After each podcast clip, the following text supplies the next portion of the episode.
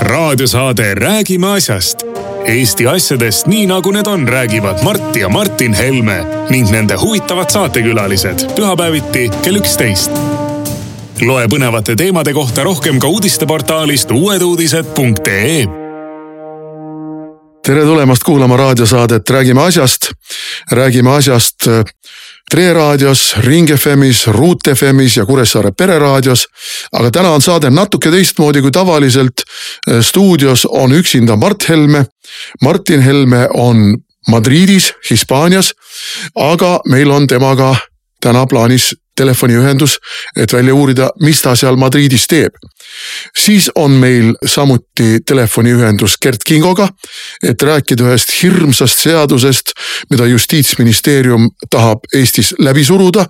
nii-öelda koputajate seadus, et kõik hakkaksid üksteise peale kaebama ja koputama nagu Stalini aja kõige pimedamatel hetkedel. ja meil on ühendus ka telefonitsi Veiko Vihuriga kellega vestleme teemal koroonatotalitarism, mida sellega teha ja kas ühiskonnad on ärkamas ja kas meil õnnestub see rong rööbastelt maha lasta.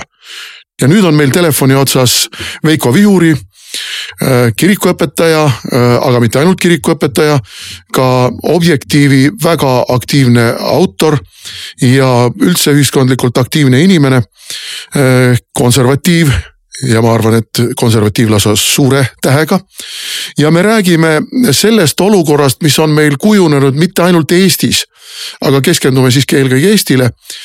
kogu selle koroona totalitarismi ümber ja ühiskonna lõhestamise ja inimeste eri kaalukategooriasse lahterdamise ümber ja püüame vaadata, missugused võiksid olla siin ikkagi lahendused ja ennustada, kas ühiskondlik surve, mis praeguseks on kujunenud välja ja jõudu kogumas, võiks mõjutada meie, kuidas ma ütlen, ortodokselt pimedaid äh, riigijuhte oma poliitilisi suundumusi muutma.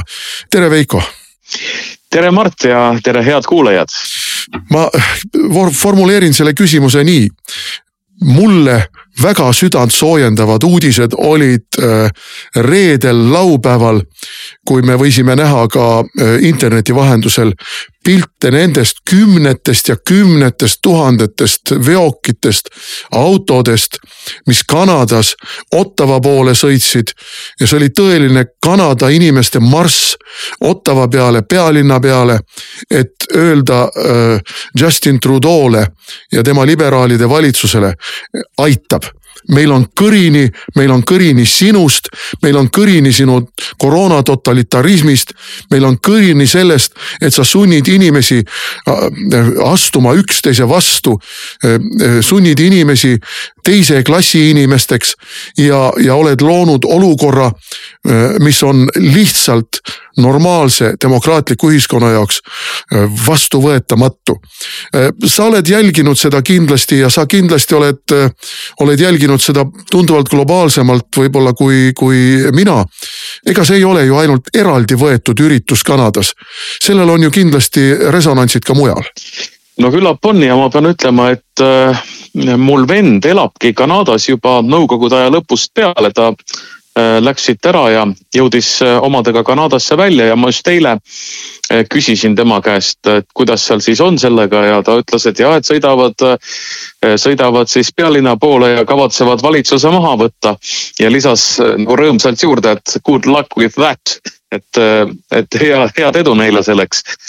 aga no muidugi, eks need koroonaprotestid nüüd on rullumas ju üle kogu läänemaailma ja ega siis Kanada ei ole muidugi ainus selline noh, tõesti hullunult koroona totalitaristlik äh, riik. et seal on siis liberaalide valitsus Trudeau'ga eesotsas. aga noh, sedasama taolist äh, sarnast poliitikat on ju Austraalias harrastatud. on harrastatud Austrias, nüüd Saksamaal on ka uus valitsus ja üsna otsustavalt tahavad nad siis kehtestada kohustuslikku või sunduslikku vaktsineerimist. nii et neid riike on üllatuslikult päris palju Äh, kus siis äh, sellist repressiivset äh, apartheidi viljeldakse.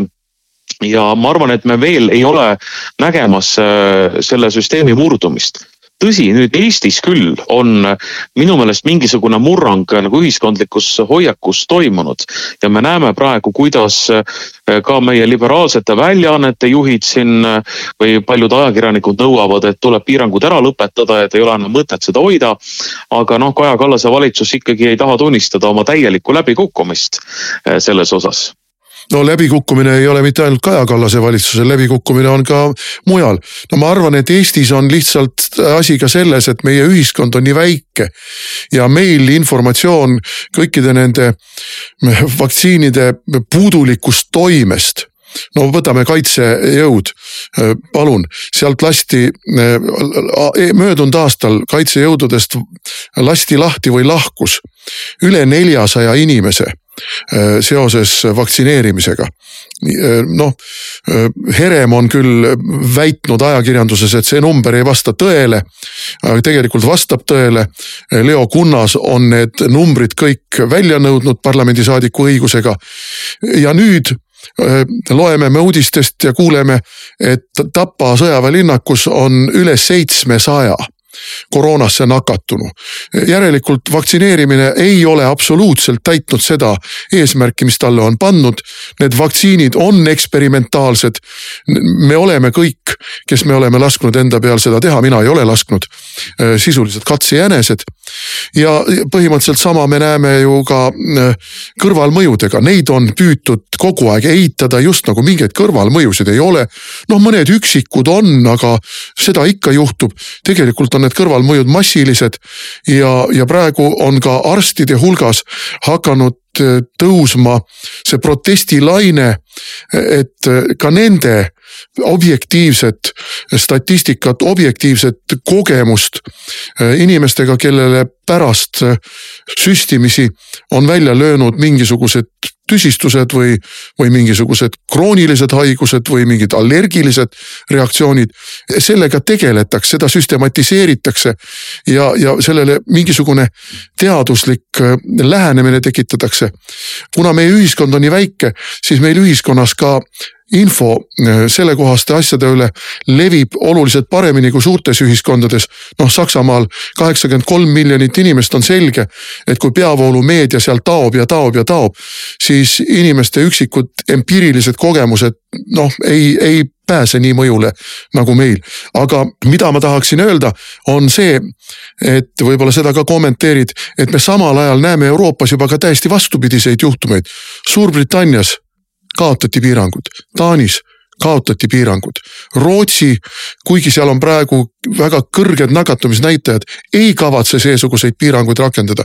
et äh, minu arvates ikkagi see, see totalitaristlik lähenemine äh, mureneb ja äh, mul on tunne, et seda ikkagi Euroopas niimoodi peale suruda, nagu algselt kavandati, ei ole enam võimalik. no tundub küll, kuigi eks me näe, mis nüüd hakkab juhtuma Saksamaal et Austria parlament ikkagi nüüd alles hiljaaegu ju otsustas ära, et vaktsineerimine muudetakse kohustuslikuks ja siis hiljemalt alates märtsist, märtsi keskpaigast hakatakse ka inimesi trahvima, kes ei taha lasta ennast vaktsineerida. ja noh, saame näha, kaua nad seal Austrias seda poliitikat suudavad Euroopat elus hoida. aga nüüd ka Saksamaa, mis on ju ikkagi üks Euroopa juhtriike et kui Saksamaa äh, läheb ka seda teed, äh, siis see on kindlasti märk sellest, et vähemasti need jõud, kes, kes taolist poliitikat pooldavad ja tahavad viljelda, et nad ikkagi ei kavatse alla anda. et nad kavatsevad oma selle narratiiviga edasi minna ja, ja eks me näe, kui kaua see narratiiv ka nagu selliste suurte riikide puhul nagu ütleme, Prantsusmaa ja Saksamaa on, kaua see narratiiv püsib. mis nüüd minu meelest on positiivne, kui me räägime Eestist, et reedel tuli ju ka kohtuotsus. minu meelest esimene selline tõsisem märk, eh, mis siis puudutas ühte politseinikut, kes siis elab ja tegutseb seal Lõuna-Eestis piiri ääres. ka Objektiivis oli temaga Varro Vooglaiu poolt tehtud selline vestlussaade, video, kus ta siis oma lugu rääkis. see naine, kes koerajuht oli? Just täpselt nii, et noh, tema ju ka ei soovinud seda vaktsiini teha ja siis läks nii-öelda käskkirja alla, mille siis Elmar Vaher on kehtestanud seal. ja, ja nüüd kohus andis talle esialgse õiguskaitse, nii et noh, see vaidlus on veel tegelikult sisulises mõttes pidamata, aga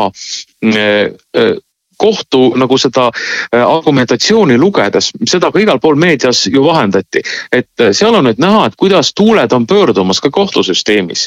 et kui enne nagu täiesti tuimalt kohtunikud, äh, vähemasti esimese astme kohtunikud tagusid seda valitsuse narratiivi, et jaa, tuleb ikkagi piiranguid siin teha ja inimesed ei saa siin midagi protestida ja noh, ühesõnaga, et sihuke tuima panemine käis, et nüüd hakatakse ka sisulisemalt arutlema. ja, ja ma loodan ka, et nagu see äh, murrang ühiskonnas on nagu tervikuna toimumas. et, ähm, et noh, loobutakse nendest propagandistlikest punktidest ja hakatakse rääkima asjade üle sisuliselt, mis oleks pidanud olema ju algusest peale. sest tegelikult noh, mina olen olnud algusest peale sellel seisukohal kaks nagu põhimõtet, äh, põhilist printsiipi. vaktsineerimine peab olema vabatahtlik see on meie seadustega äh, tagatud, see on rahvusvahelise õigusega tagatud, see peab olema vabatahtlik ja et sellest tulenevalt ei tohi mitte kedagi diskrimineerida ja me oleme näinud täpselt vastupidist käitumist valitsuse poolt. noh, mida võib siis äh, lausa nimetada apartheidirežiimiks kuni siis inimeste eraldamiseni välja. nii et noh, sellel puudub tegelikult ka õiguslik alus ja mm, kui nüüd kohtud hakkavad reageerima sellele ma väga loodan, et siis on vähemasti inimestel nagu natukenegi võimalust kuskilt abi saada. sest tegelikult on see olukord olnud ikkagi päris suurele osale ühiskonnast ju väga masendav viimased pool aastat, et sa ei saa nagu mitte kuskilt abi.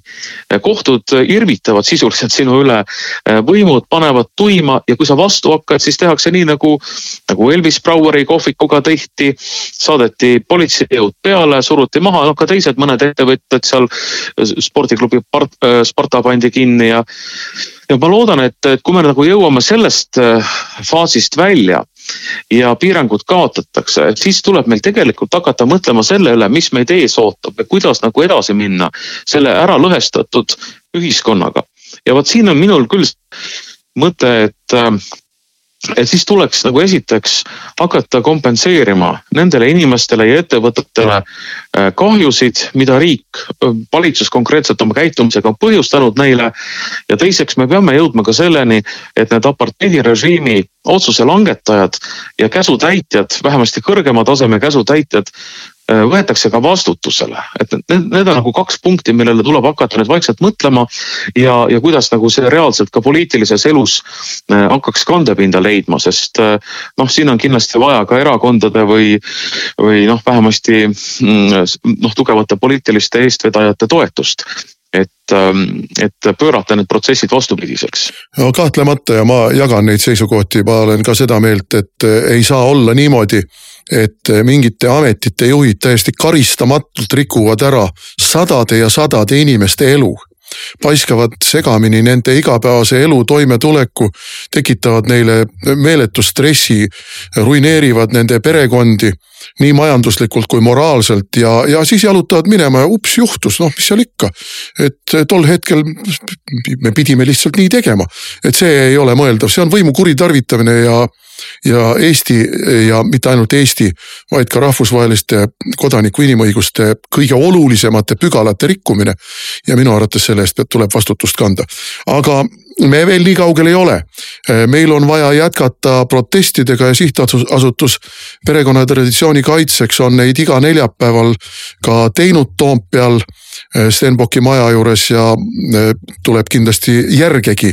ja viimane kord küll püüdis peavoolumeedia ja, ja valitsuspoliitikud pöörata teravikku sellele kollasele kuusnurgale, mida inimesed tekstiga inimene rinnas kandsid, juhtimaks tähelepanu sellele, et see olukord, mis meil praegu siin on, meenutab juba täiesti tõsiselt äh, fašistliku diktatuuri kehtestamise katseid.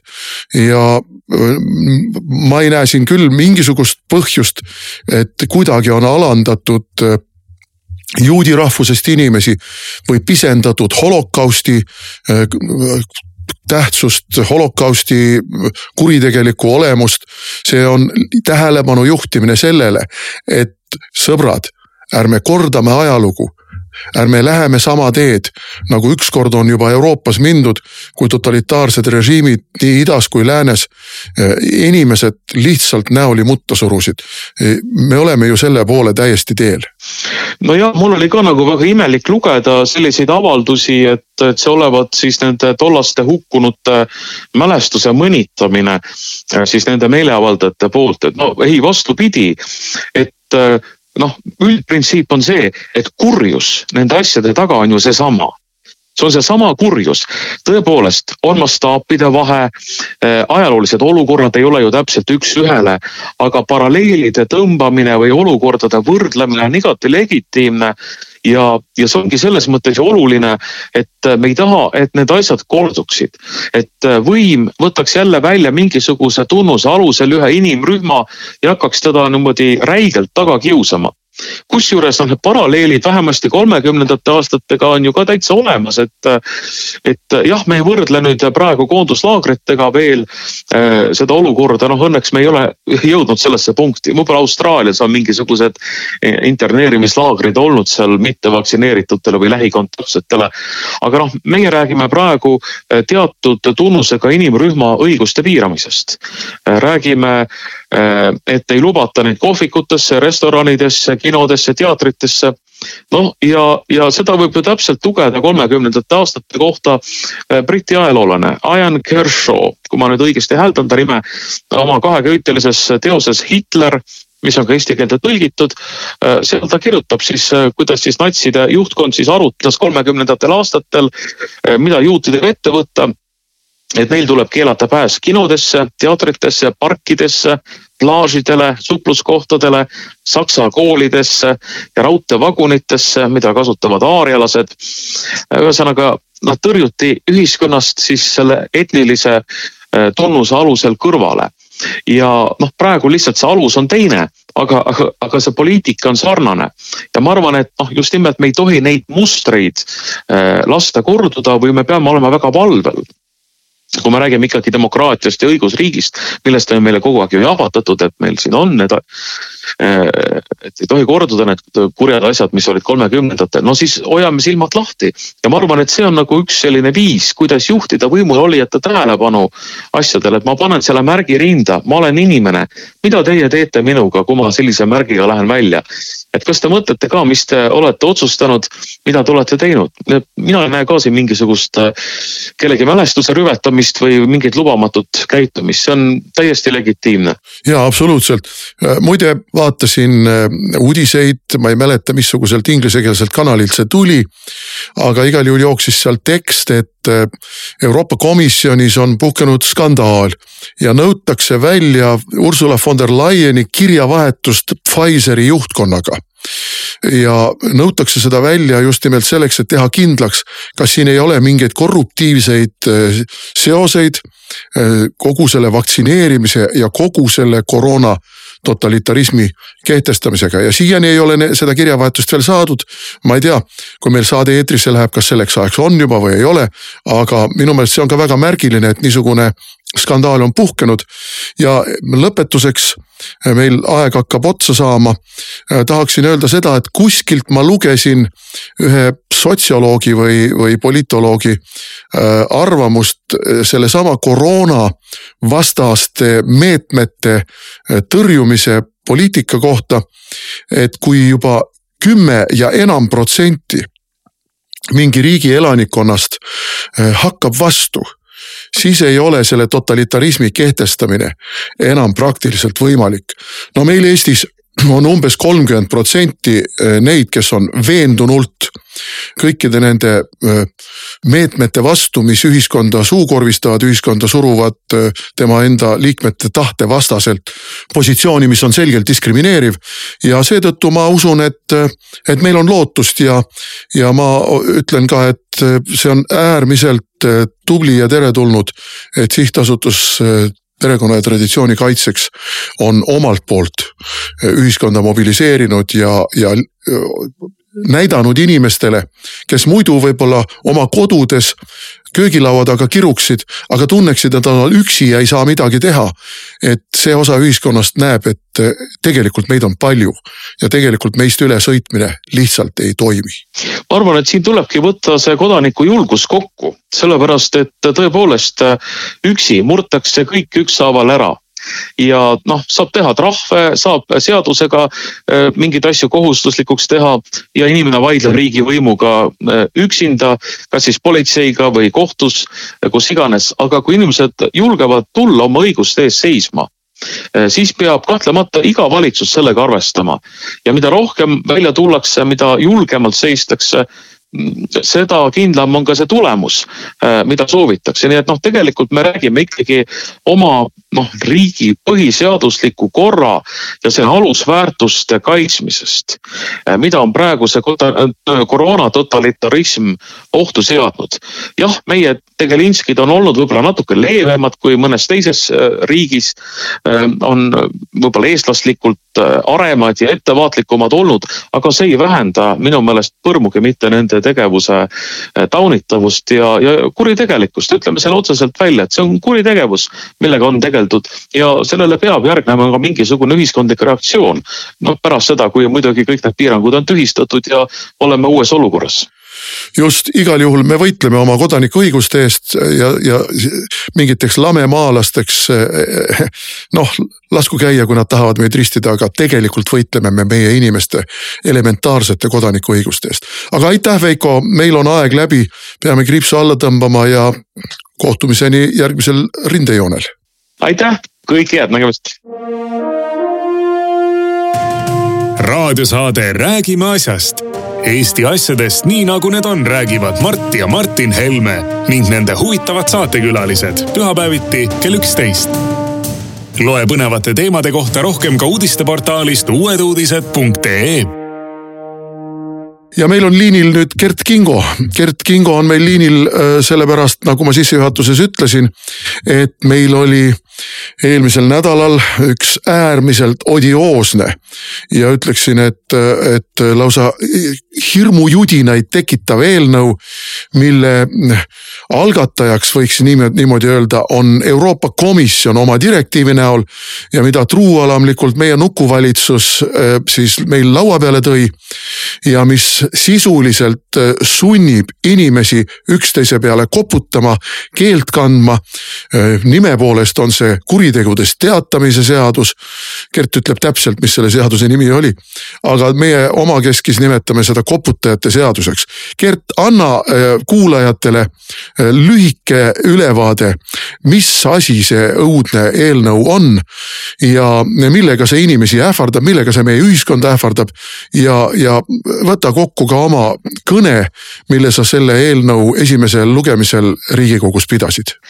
esmalt tere kõigile kuulajatele. selle eelnõu nimi on rikkumisest teavitaja kaitse seaduse eelnõu. mina nimetaksin omalt omalt poolt seda totaalseks õigusloome praagiks. ja selle eelnõu sisuks on siis äh, see, et kohustada asutusi sisse viima asutusesisesed ja asutusevälised teavituskanalid, mille kaudu siis saab peale kaevata äh, aga mis on nagu väga huvitav, on lihtsalt see, et äh, siin need põhjendused, mis on toodud, miks seda seadust väidetavalt on vaja, on sellised, et teavitaja kaitse tagamine näiteks või siis ettevõtte ja asutuste maine kaitsmine. ja mind teeb väga valvsaks selline väljend, mis eelnõu seletavas tekstis oli toodud, et, et on nõutav eelkõige, et teavitama peab esmalt asutuse siseselt või asutuse väliselt. Noh, mul nüüd selle kõigega seoses tekib nagu küsimus, et milleks meil on politsei, milleks meil on prokuratuur milleks meil on kaitsepolitsei, milleks meil on riigiasutustel sisekontrolliteenistused. meil on olemas seaduses kõik need vajalikud punktid juba ära sätestatud ja ära reguleeritud. meil on võimalik ka kaitsta seda, seda kaebajat isikut, millele siin äh, justiitsminister nagu väga vihjas, mis on see kõige olulisem asi, et kaitsta kaebajat. meil on ka olemas selline punkt kriminaalmenetluse seadustikus on tunnistaja turvalisuse tagamine näiteks. aga mis minul põhimulje on sellest, on see, et äh, tegelikult tahetakse kõik need rikkumised tahetakse vaikselt kalevi alla lükata. ei taheta, et nendele ametlik käik antakse ehk siis, kui tavapäraselt rikkumistest saab teatada siis kas politseisse prokuratuuri, siis selle eelnõu kohaselt peab kindlasti sisese või välise kanali kaudu sinna asutusse teatama ja eelm-, eelkõige, et hoida ära siis ettevõtte või asutuse võimaliku mainekahju. ja muidugi, mis, kui seda, seda seaduse äh, mittevajalikkust äh, ei ole kind-, tähendab, saab ilusti tõestada sellega, et noh, nagu ma korra ütlesin, kõikides seadustes on need olulised punktid olemas, mida väidetakse, mille tarbeks seda seadust nagu oleks. ja kõige lihtsam oleks näiteks ka siis äh, jõustada uuesti karistusseadustikus äh, dekriminaliseeritud äh, sellised punktid nagu ametiseisundi kuritarvitamine, ametialane lohakus, andmekogu pidamisnõuete rikkumine või notari poolt teadvalt ebaseadusliku ametitoimingu tegemine. et sellised asjad lihtsalt ära jõustada, aga noh, praegu jääb lihtsalt tunne, et luuakse otseliin kus inimesed saaksid kaevata, selleks pannakse eraldi, eraldi inimesed tööle, kes hakkavad siis neid andmeid koguma, see, see on lihtsalt niivõrd õudust tekitav. No Maris Lauri pareelis, eh, kui me ütlesime, et te panete inimesed eh, kõik üksteise peale koputama ja see võib põhjustada ka igasuguste valekaebuste ja, ja kollektiivisiseste intriigide kandumise riiklikku menetlemispoliitikasse ja tekitada meeletu töökoormuse nendele asutustele, politseile, kaitsepolitseile, prokuratuurile, kes peavad nendega tegelema hakkama. siis tema selle peale ütles, et valekaebus on karistatav, valekaebus on ka praegu karistatav ja valekaebuste esitamine sel moel äh, kindlasti elimineeritakse selles, äh, selles kogu selles mängus. no tegelikult ei ole ju niimoodi. jaa, absoluutselt mitte Maris Lauri väga selgelt väitis, et see on selleks, et kaitsta äh, see isikut, kes on rikkumisest teavitaja, nagu see seaduse pealkiri ka ütleb. et see on dubleeriv tegevus ja siin ainult äh, piisab, et ise sealt mõtlema hakata, milleks on vaja paralleelselt nüüd sellise võrgustiku loomist lisaks siis olemasolevatele politseile, prokuratuurile, kaitsepolitseile, ka, ka asutustes oleva avaliku, ütleme selle eh, sisekontrolliteenistustele, milleks on eraldi võrgustikku vaja, vaja nagu luua mida nad nagu siis tegema hakkavad, siin on nii palju küsitavusi. no eh, kui mina oma küsimusi esitasin, noh riigikogus teatavasti protseduur on selline, et küsimuste esitamine on üsna piiratud. Eh, eelnõu esimese lugemise puhul on võimalik ainult kaks küsimust esitada ja kõne saab pidada ainult fraktsiooni esindaja. ja, ja mina juhtisin tähelepanu sellele, et see meenutab mulle, kes ma olen juba küpses eas inimene ikkagi väga selgelt Stalini aega ja väga selgelt seda, kuidas kohutavalt kardeti kõikvõimalikku pealekaebamist. sest isegi kui inimesed äh, ei läinud selle pealekaebamise tulemusena kusagile Siberisse, vanglasse, vangilaagrisse asumisele, siis äh, äh, tema elu oli mingiks perioodiks rikutud ja mis igal juhul juhtus? igal juhul juhtus see, et see inimene jäi KGB hammaste vahele ja seda inimest hakati sundima tulevikus KGB-ga tegema koostööd, mida ta muidu ei oleks nõustunud tegema ja, ja see läbi ehitatigi üles kogu see KGB nuhkide koputajate tohutu võrgustik. inimesed hirmutati vale pealekaebustega või isegi mingisugust menetlust mitte kaasa toonud kaebustega ära ja, ja sunniti tegema äh, nende südametunnistuse vastu, nende veendumuste vastu tööd, mis mürgitas ja ma võin seda öelda, mis mürgitas kõikide töökollektiivide igapäevast elu.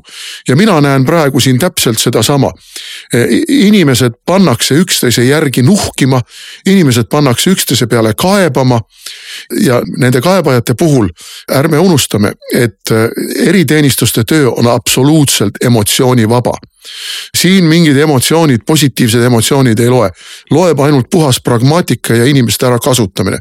ja sellega, kui keegi kellegi peale kaebab, on esimene indikatsioon, nagu tänapäeval öeldakse ahah, see inimene on teatud materjalist ja seda materjali annab mõjutada, vormida ja kasutada ära meie mõjutustöös, meie teavitustöös ja, ja meie kollektiivide suunamise töös. nii et noh, ma äh, näen selles eelnõus väga-väga musta tulevikku Eesti ühiskonnale, kui see vastu võetakse. mida sina kui jurist ütled, mida me nüüd teha saame, et see asi umbteele suunata? ilmselgelt on ju näha, et sellist seadust ei ole vaja ja need argumendid, mis ei, isegi ei kvalifitseerunud argumentideks, need ei, absoluutselt ei päde kõik need vajalikud nurgad on ilusti fikseeritud ja ära kaetud teistes seadustes ja meil ei jää mitte midagi muud üle, kui lihtsalt äh, teha obstruktsiooni, äh, muudatusettepanekuid võimalikult palju niimoodi, et nad lihtsalt ei saagi seda menetleda. ma mainiksin nii palju ära, mis minu jaoks on veel selles eelnõus väga-väga häiriv, on see, et siin väga räägitakse sellest, et vältida avalikustamist, et vältida avalikkusele näitamist, kui on mingi rikkumine, et selleks on see siseteavituskanal vajalik see tähendab seda, et me, kui me siiamaani ikka oli suund, et me läbipaistev, et me võitleme korruptsiooniga niimoodi, siis nüüd on jah, just nimelt võetakse eraldi spetsiaalsed inimesed tööle, kes ise sorteerivad ära, milline kaebus on ja siis peidavad nad vaikselt ära. see on kahe otsaga jällegi, ühelt poolt tähendab see seda, et äh, asjad, mis äh, vääriksid äh, avalikustamist ja avalikkuse ette jõudmist ja sedakaudu ka jõudmist uurimise alla ja kohtutesse, et korruptsiooni ametiseisundi kuritarvitamist ja võib-olla ka töökiusu välistada. Need suunatakse nüüd kusagile mm, varjatud kanali kaudu. noh, ma ei tea, kas kaitsepolitseisse või, või, või prokuratuuri, kus nendega võib-olla hakatakse aga võib-olla ei hakata tõsisemalt tegelema.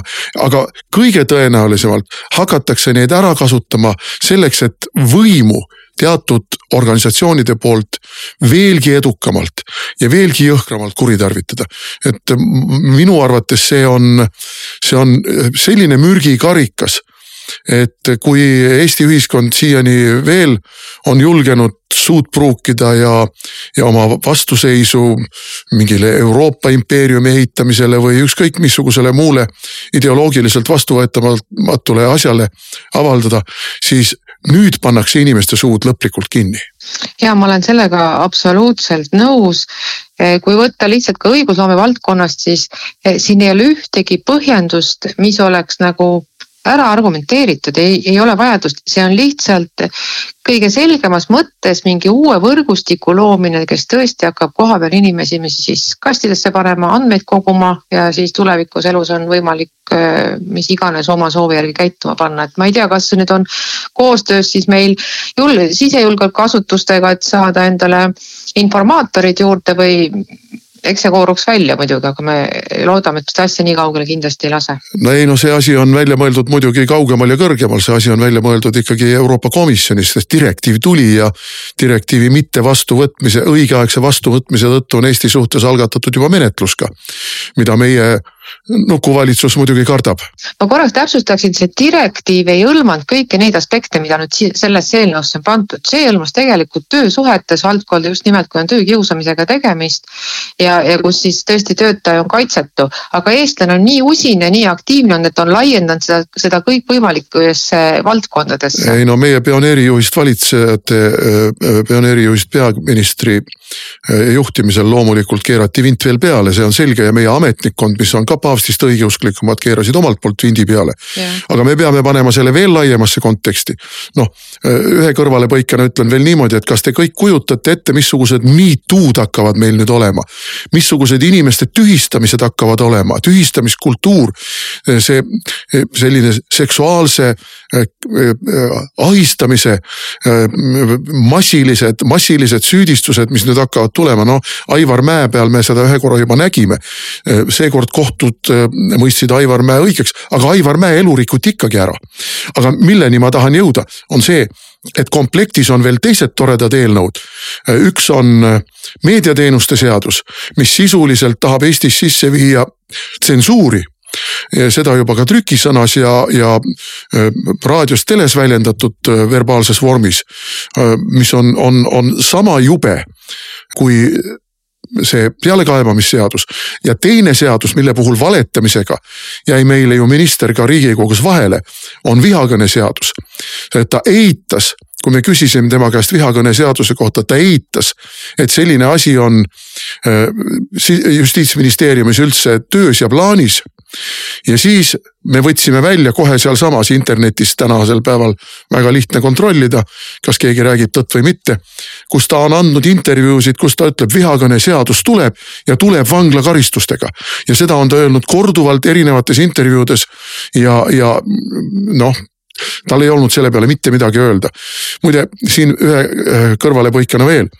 selle valetamise puhul meie fraktsioon tahtis algatada koheselt ministri umbusaldamist ja algul äh, tundus, et sellega võiksid kaasa tulla ka Isamaa saadikud. aga kahjuks, kui me juba konkreetsemaks läksime, allkirjadest rääkima hakkasime, siis hüppasid nad alt ära. aga äh, meenutame ainult, Gert, sulle on see võib-olla väga valus meenutus, kuidas sind süüdistati valetamises ja sunniti tagasi astuma.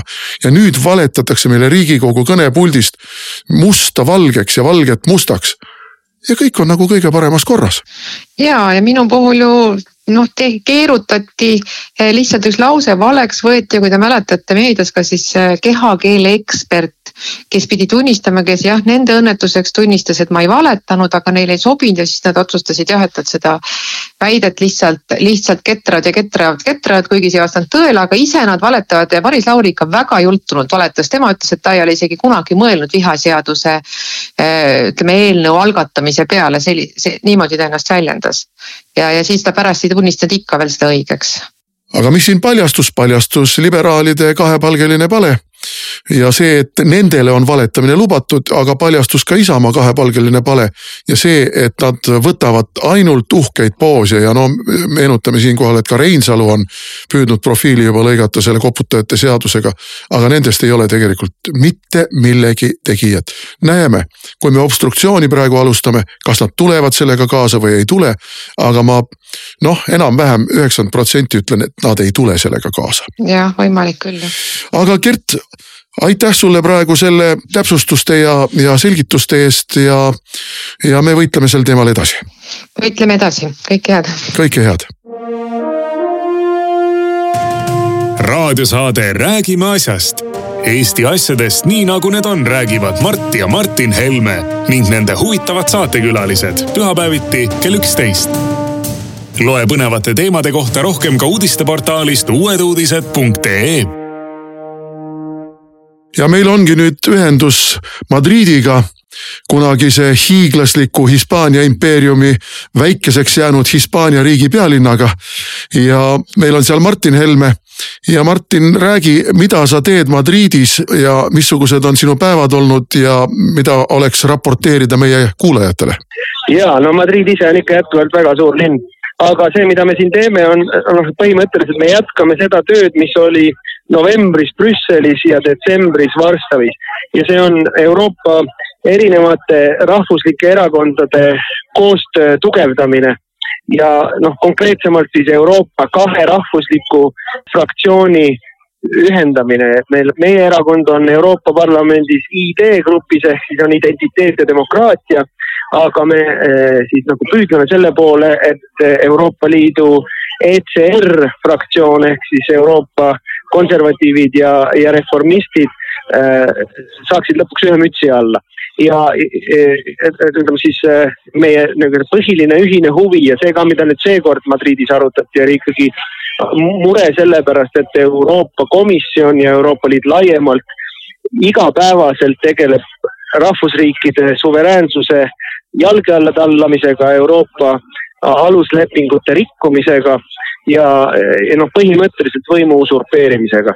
ja, ja noh, eriti rängalt äh, ründavad nad praegu Poolat ja Ungarit, sest et nendes kahes riigis on võimul rahvuslikud valitsused, aga noh, nii nagu ka siin kohapeal äh, noh räägiti ja, või, või noh, inimesed omavahel aru said et ega ükskõik millises riigis rahvuslik valitsus võimule tuleb, siis see võetakse kohe sihikule ja hakatakse seda riiki siis Euroopa erinevate institutsioonide poolt noh, sõna otseses mõttes taga kiusama ja ahistama ja, ja, ja ebaseaduslikult maha suruma. kui me vaatame seda, millised, milliste jutupunktidega näiteks no noh, nii-öelda Poola õigussüsteemi kritiseeritakse, siis need on noh, põhimõtteliselt laest võetud, no Ungari, Ungari peaminister ja, ja Poola peaminister mõlemad olid siin, Orban ja Morovets mõlemad rääkisid, kuidas siis Euroopa Komisjon näiteks täiesti aluslepinguid rikkudes ei anna eurorahasid nendele riikidele, sekkub riikide hariduspoliitikasse, perepoliitikasse, kuigi see absoluutselt ei kuulu Euroopa Liidu pädevusse. et noh, lihtsalt haaratakse võimu järjest rohkem ja rohkem, no väga palju oli juttu loomulikult Euroopa eh, siis rohepoliitikast ja energiapoliitikast, et noh, nendele erakondadele, kes siin kohapeal olid, oli kõigile selge, et Euroopa energiakriis on tekitatud Euroopa Komisjoni poliitika poolt, Euroopa Komisjoni energiapoliitika poolt. Ja, ja see on juba väga pikaajalise tegevuse tagajärg. Ja, ja noh, mis on meie eesmärk, meie eesmärk on põhimõtteliselt takistada seda Euroopa Komisjoni vasakpoolse ideoloogilise diktatuuri kehtestamist Euroopas ja selle äh, takistamiseks on tarvis, et Euroopa riikides, rahvusriikides saavad võimul rahvuslikud jõud. no sa mainisid kahte nime, Viktor Orban ja, ja ma kahjuks ei mäleta, mis on Poola peaministri äh, eesnimi. Matteus. Matteus jah, Matteus Moravetsi, aga no meil on ju siin käivitatud selline kampaania, kuidas noh, meie erakond ka tirib Eestit Lääne-Euroopast ja Põhja Põhjamaadest Ida-Euroopasse, justkui Ida-Euroopa oleks midagi niisugust äh, madalat, inetut, noh, mitte täisväärtuslikku. et seal ei ole ju loomulikult ainult Ida-Euroopa. Ida-Euroopa riikidel on kindlasti oma spetsiifilised probleemid. noh, Ungari piirleb praegu ja on alati piirnenud Ukrainaga ja kindlasti nemad vaatavad praegu sealse pingeolukorra peale mõnevõrra murelikumalt kui, kui noh, näiteks poolakadki, kes ka piirnevad küll Kaliningradiga, aga siiski, siiski on suurem ja, ja tugevam riik ja, ja võib-olla ka enesekindlam riik tänu ajaloole. aga seal on ju, kui sa natukene loetleksid, ka teised riigid, need meie poolt nii väga ihaldatud Lääne-Euroopa riigid, nende esindajad, nende, nendes riikides kõikides on ju samuti erakonnad, mis on absoluutselt kelle jaoks on vastuvõetamatu see Euroopa Komisjoni diktaat ja kogu see äh, vasak vasakpoolne ja ma isegi ei ütleks seda et enam, et vasakliberaalne. ma ütleksin, et vasaktotalitaristlik äh, suundumus, kuhu Euroopa läheb ja, ja mida veavad just nimelt nende vanade Euroopa riikide äh, tsentristlikud ja vasakpoolsed ja reformistlikud parteid. et äkki räägid nendest Lääne-Euroopa riikidest, nende esindajatest ja nende muredest ka? ja no meid äh, võõrustas Hispaania partei nimega Vox. no Hispaania partei Vox on, ma ütleksin, meiega väga sarnane partei, väga rahvuslik, väga konservatiivne, noh, selgelt äh, tõrjuval või hoiakul või, või vaenulikul hoiakul Euroopa Komisjoni võimu haaramiste suhtes, väga immigratsioonivastane, rohepöörde suhtes, noh noh, selgelt eitaval seisukohal, et sellisel viisil me ju keskkonda ei kaitse, vaid ajame lihtsalt inimesed vaesusesse ja pankrotistame oma majandused.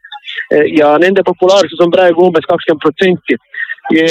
Teine suur erakond, mis siin siis kohal oli, oli esindatud oma, oma kõige kõrgemal tasandil, oli loomulikult Prantsuse Marine Le Pen, siis vanasti ta nimi oli Rahvusrinne, nüüd nad on siis uue nimega.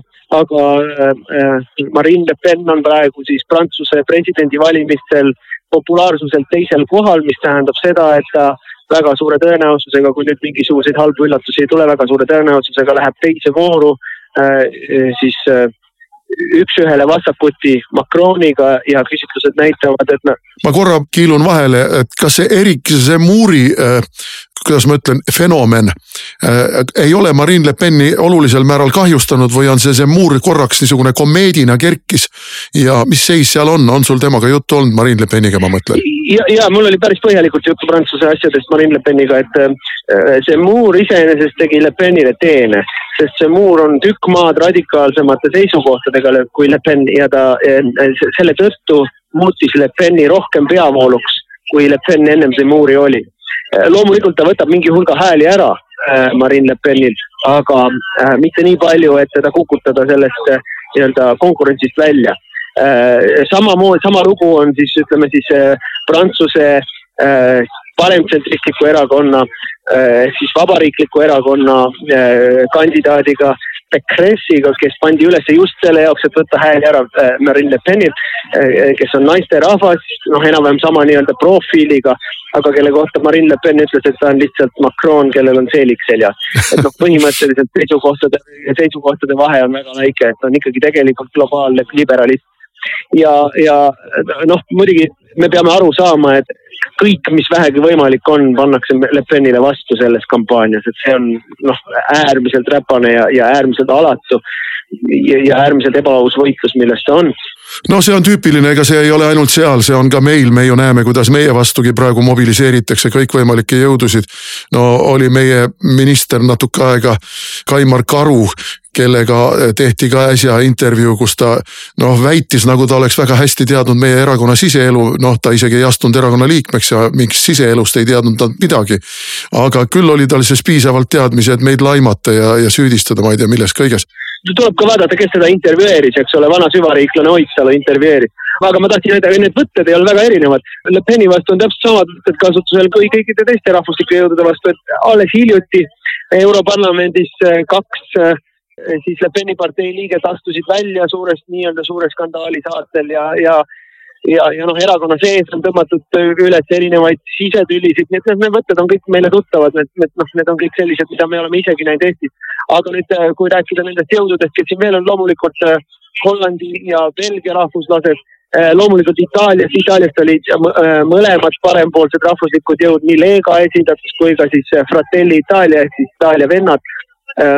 mõlemad on praegu siukse ligemale kahekümne protsendi peal olevad parteid nii et, et noh, selline rahvuslike, selgelt suveräänsust äh, kaitsvate erakondade, immigratsioonivastaste erakondade, äh, keskklassi ja väikeettevõtlust kaitsvate erakondade selline esindatus üle terve Euroopa oli, oli, oli siin kohal, noh oli, olid ka erakonnad, mis Bulgaariast ja, ja, ja loomulikult Poola valitsuspartei, Ungari valitsusparteid, need on siin kõik on olemas ja, ja, ja sugugi mitte kõik ei ole niimoodi, et mingisugused nurgatagused või mõneprotsendised parteid, vaid ikkagi noh, mõnel pool teisel kohal, mõnel pool esimesel kohal, mõnel pool kolmandal kohal e, e olevad erakonnad ja, ja kahes riigis ka valitsuses olevad erakonnad. nüüd äh, väga palju oli juttu äh, ka sellest samast julgeolekuolukorrast, et ja Vene teemast ja sellest, kuidas siis, kuidas siis erinevad Euroopa riigid ja erinevad Euroopa rahvuslikud jõud näevad seda äh, julgeolekuolukorda ja noh, reaalsus on selline, et äh,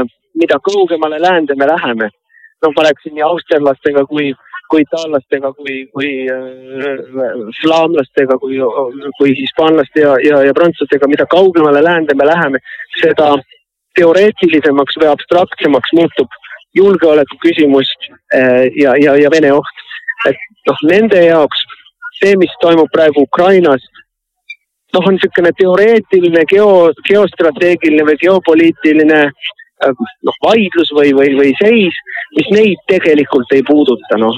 hispaanlased või prantslased ütlevad otse välja, et aga kuidas see meid mõjutab, kui Ukrainasse sisse tungitakse, noh mõjutab, muidugi ta mõjutab, majanduslikult mõjutab, ta mõjutab selle kaudu, et, et kuskilt tekivad mingid immigratsioonivood, ta mõjutab selle kaudu, et, et kui NATO-l või Euroopa Liidul noh, ei ole mingit tõsiseltvõetavust äh, julgeoleku küsimustes, siis ei usu ka näiteks Põhja-Aafrika riigid, et on vaja arvestada Euroopa riikide seisukohtadega, ta mõjutab kaudselt, teise või kolmanda vooru kaudselt, aga, aga otseselt eksistentsiaalselt vahetult, nii nagu meie näeme Vene ohtu, nii nagu poolakad näevad Vene ohtu, nii nagu ungarlased näevad Vene ohtu, no seda lihtsalt ei tajuta siin. ja see minule kinnitust, andis veel kord kinnitust seda, et kui, kui mingisugunegi julgeolekuolukord tekib kus, kus Eesti on otseselt löögi all NATO riigina, siis noh, tegelikult Lääne-Euroopa riikides mitte keegi ei liiguta lillegi, et meie kaitseks appi tulla mingite reaalsete otsustega või vahenditega, et noh, see on tegelikult see kurb reaalsus, millega meil tuleb silmitsi seista. muide, on seal juttu olnud ka äh, suhetest Ameerikaga ja Bidenist ja, ja tema administratsioonist ja, ja sellest mõjust, mida sealtpoolt püütakse Euroopale survestamiseks avaldada? No väga vähe või praktiliselt mitte.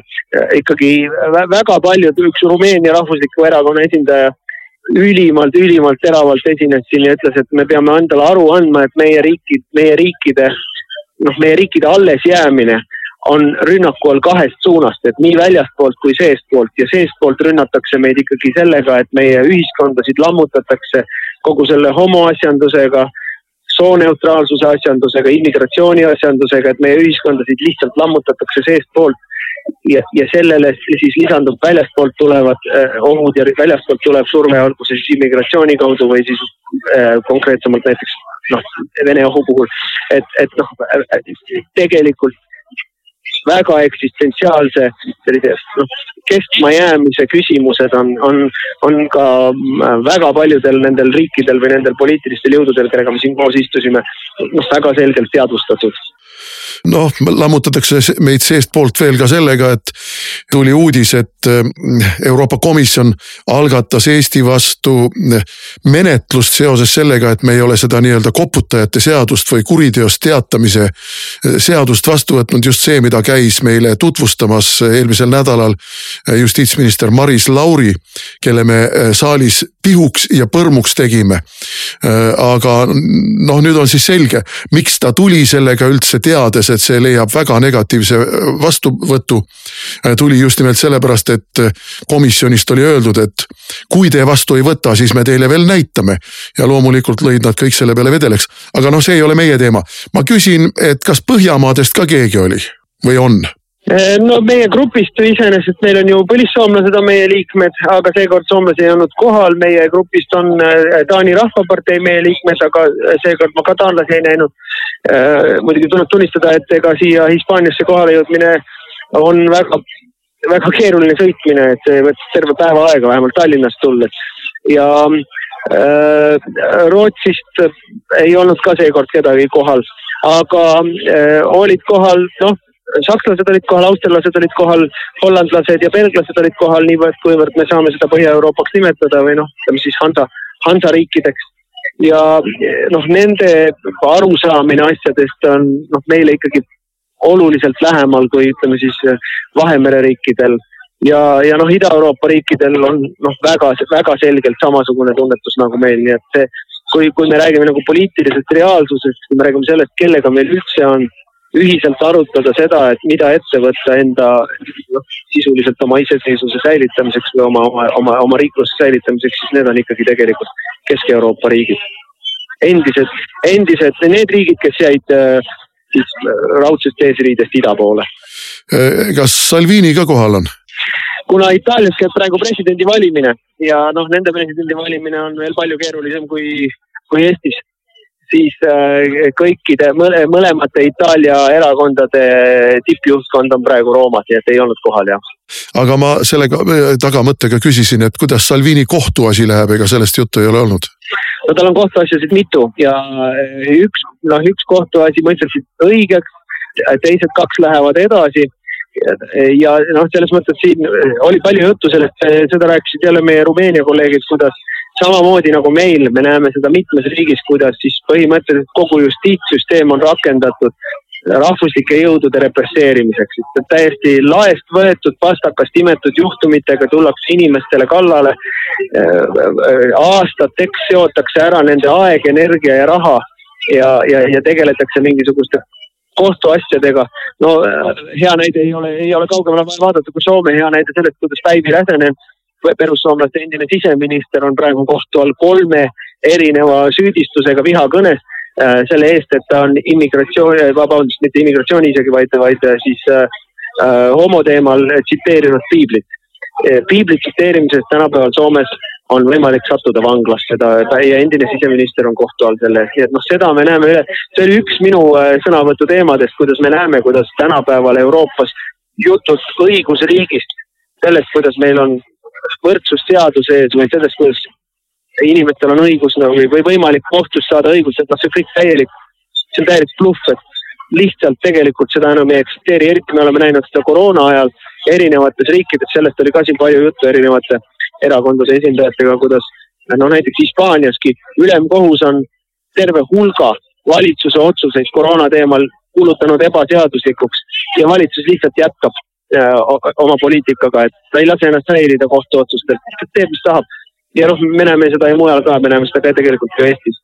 nii et, et noh, see kogu see, kogu see jutt õigusriigist, kogu see jutt sellest, kuidas, kuidas Poola või Ungari ei ole õigusriigid, no see on lihtsalt niivõrd kahepalgeline ja ja, ja topeltstandard ja, ja lihtsalt poliitiliselt, ideoloogiliselt laetud jutt, et noh, seda lihtsalt ei saa tõsiselt võtta, et mitte midagi, mida komisjon tänapäeval ütleb või teeb, ei pea aktsepteerima iseenesest. see ei ole tõsine enam komisjon ütleb ka nii, nagu parajasti päevakajaliselt kasulik on. mäletame, kui Valgevene ja Poola ja Leedu piiril oli see sügisene immigratsioonikriis novembrikuus siin. kuidas siis eh, komisjon andis toetust eh, Poolale, Leedule ja lubati ehitada tõkkeid ja lubati tagasi saata immigrante ja mida kõike. no praeguseks on positsioon täiesti muutunud. seisukoht selgelt sõltub istekohast ja Ülva Johanson, kes on äh, selle valdkonna komisjonäär, on nüüd välja tulnud seisukohaga, et immigrantide piirilt tagasiseadmine on seadusevastane. missuguse seaduse, kelle seaduse, seda ei ole targu täpsustatud. aga see on seadusevastane. nüüd algul ehmatati ära aga nüüd on eh, jõutud järeldusele, et see võib luua pretsedendi, kus kõik riigid hakkavadki tagasi saatma, hakkavad interneerima, eh, mis iganes tegema ja ei võtagi enam immigrante vastu. ja noh, see ei ole ju mõeldavgi. Euroopa Liit on ju avatud uste poliitika viljeleja ja Euroopasse peavad saama tulla kõik, kes vähegi tahavad. nii et väga-väga eh, selge olupoliitika viljelemine Euroopa Komisjoni poolt ja ma saan täiesti aru, et kõiki rahvuslikult meelestatud jõude niisugune seisukohtade pidev muutmine, aga muutmine vaatevinklist, et Euroopa peab olema öö, mingisugune globaalne küla see on vastuvõetamatu, see on meile vastuvõetamatu väikerahvana, aga see on isegi suurtele rahvastele täiesti vastuvõetamatu. ja mis nüüd edasi saab? Ja no ma korra ütlen, et, et, et hispaanlased olid nagu selles mõttes eriti teravad kogu selle immigratsioonipoliitika suhtes, noh nendele on ju väga väike vahe Gibraltarist, et, et neile tuleb kogu aeg itaallased samamoodi. aga hoiatas meid Marine Le Pen, et äh, järgmisel nädalal kavatseb Macron, kes on ju praegu, Prantsusmaa on praegu Euroopa Liidu eesistuja, Macron kavatseb tulla lagedale suure plaaniga immigratsioonireformiks, mis mis oma olemuselt on põhimõtteliselt siis komisjonile kogu immigratsioonipoliitika õiguste üleandmine ja noh, sellega ei tohi mitte mingil juhul nõus olla.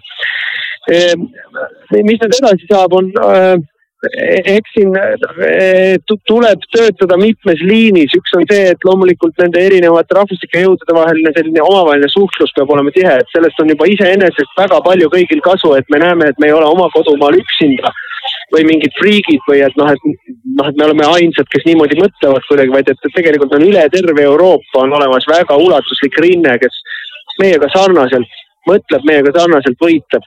Ja, ja noh, see on esiteks moraali tõstev, aga see annab tegelikult noh, erinevaid ideid, erinevaid noh, nurkasid, kuidas äh,, kuidas siis takistada seda komisjoni võimu usurpeerimist või, või kuidas seda äh, oma suveräänsuse äh, kaitsmist paremini teha ja muidugi praktilisel tasandil on noh, erinevates riikides on lähiajal tulemas valimised, Ungaris on tulemas valimised, Prantsusmaal on tulemas valimised, Poolas on äh, natuke kaugemas tulevikus valimised tulemas. et äh, noh, lepiti ka kokku seda, et üksteisele tullakse appi nendes valimiskampaaniates erinevate sõnumitega, erinevate noh, visiitide, üritustega. niisugune praktiline koostöö on see, mida me edasi planeerime.